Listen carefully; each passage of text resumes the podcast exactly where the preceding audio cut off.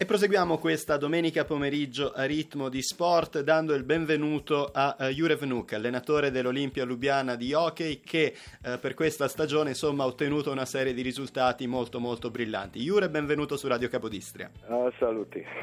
Allora, Quest'anno avete vinto la Coppa e il campionato di Slovenia più eh, la Lega Alpina, che è un campionato che eh, coinvolge club italiani, sloveni e eh, austriaci. Allora, anzitutto, complimenti, che stagione è stata questa per voi? Grazie per i complimenti la stagione è stata veramente spettacolare, quindi un, un, viaggio pieno di emozioni, abbiamo lavorato tanto e poi quando ti metti così tanto in una cosa poi sei anche più felice perché abbiamo lavorato veramente tanto.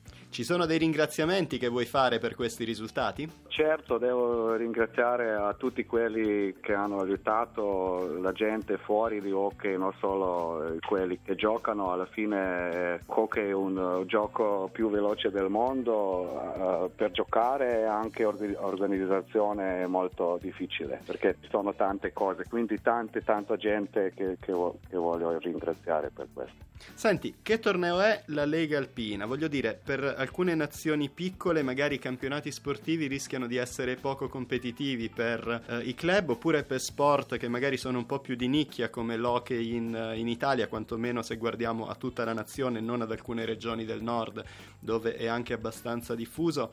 Eh, mi chiedo se eh, unire le forze, così come si fa nella Lega Alpina, quindi magari superare dei campanilismi o delle barriere nazionali, possa aiutare a creare degli eventi migliori sia per i club che magari per attrarre maggior pubblico, che magari per eh, mostrare quelle che sono le, le caratteristiche positive di uno sport bellissimo come l'hockey. Sono d'accordo, è una lega fatta molto bene, ci sono tante opportunità per uh, giovani uh, giocatori locali che possano crescere, che possano cioè, uh, giocare con buone squadre, anche poi c'è il risultato anche con nazionale. C'è un torneo che a me piace molto seguire a Lubiana tutti gli anni, ogni mese di dicembre, che viene organizzato proprio dalla vostra società, dall'Olimpia Lubiana Hockey, che si chiama Smajcek Draghetto, cioè è un torneo internazionale che coinvolge i bambini che giocano a hockey. A me diverte tanto vedere questi bambini così piccoli con queste attrezzature e poi comunque secondo me, che me ne intendo poco, dico la verità di hockey, a me diverte molto vederli,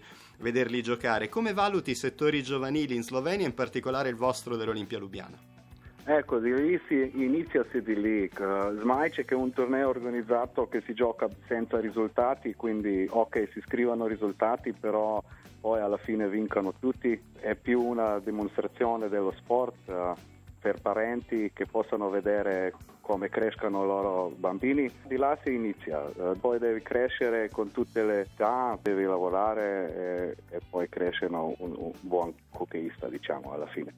Perché il pubblico si deve appassionare all'hockey su ghiaccio? Quali sono secondo te le caratteristiche principali di questo sport?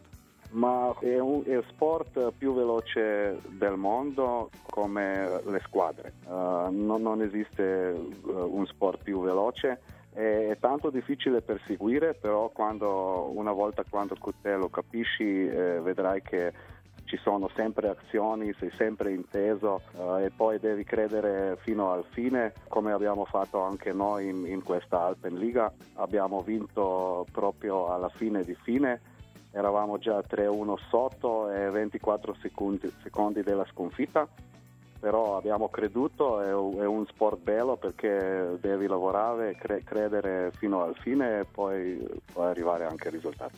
In sostanza, spiego per chi non è così addentro l'hockey, esiste una stagione regolare, cioè con tutte le squadre che sfidano tutte le altre squadre. Olimpia Lubiana era finita seconda alle spalle del Valpusteria, da lì parte una sessione di playoff che eh, portano alla finale. L'Olimpia Lubiana è arrivata alla finale contro il Valpusteria, la finale si gioca al meglio delle sette partite, cioè vince chi ne vince di più. Quindi Valpusteria vinceva per 3-1, l'Olimpia Lubiana è arrivata sul 3-3 fino ad arrivare alla finale decisiva, gara 7, che si è giocata in Italia e l'Olimpia l'Olimpia Lubiana ha vinto, per cui è stata una grossa dimostrazione di uh, personalità. Io credo che l'hockey è anche uno sport che combina, secondo me, una grossa preparazione atletica, perché comunque è molto dispendioso, ha una preparazione tecnica perché comunque serve un bastone, i pattini, e il disco, insomma si combina anche secondo me molto importante anche la dimensione tecnica ed è anche fondamentale la tattica perché comunque è uno sport di squadra, come dicevi tu, giustamente molto veloce, dalla combinazione di queste variabili secondo me viene Uh, il bello, secondo me, del, dell'hockey su ghiaccio, che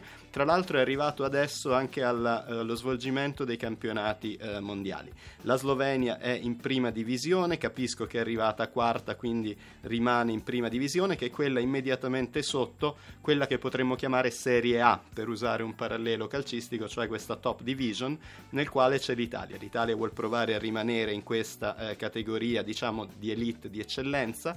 Nel girone dell'Italia ci sono delle squadre forti, come ovvio che sia, quindi la Svezia, la Svizzera, la Russia, la Norvegia, l'Austria, la Lettonia e la Repubblica Ceca. Uh, nella prima partita l'Italia ha perso 9-0 contro la Svizzera, quest'oggi è in programma un'altra partita dura contro la Svezia. Uh, secondo te dove può arrivare l'Italia in questo uh, torneo? No, ma l'Italia può fare bene, può rimanere nel quel gruppo e poi per noi tutte queste pic- più piccole squadre come sono Italia e anche Slovenia, che non sono tanti hockeyisti, è molto difficile di stare con quelli più grandi come sono Repubblica Ceca, Canada, Stati Uniti, Finlandia, quelli diciamo che non, non, non vado a contare tutti otto grandi squadre e poi ci sono quelli tutti gli altri che possono rimanere un anno, due anni in, in, A divisione, poi rimane quella B che ora lo chiamano A1 o qualcosa del genere. Senti, la stagione quando ricomincia adesso? Come abbiamo parlato prima, per hockey uh, ci vuole tanta preparazione fisica perché se, se no poi anche non puoi lavorare con, uh, con preparazione men- mentale.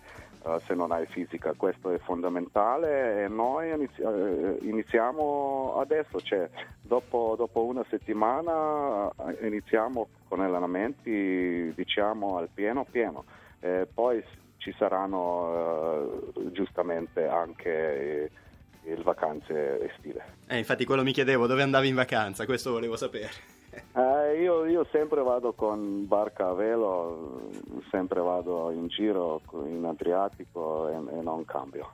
E allora eh, buone vacanze, buon giro in barca a velo, ovviamente compatibilmente con tutti i tuoi impegni. Ancora complimenti sia per i risultati ottenuti con l'Olimpia Lubiana che per il modo in cui ti esprimi in italiano, che è davvero molto molto buono. Jurev Nuk, allenatore dell'Olimpia Lubiana, grazie mille per essere stato con noi in questa domenica pomeriggio a Ritmo di Sport.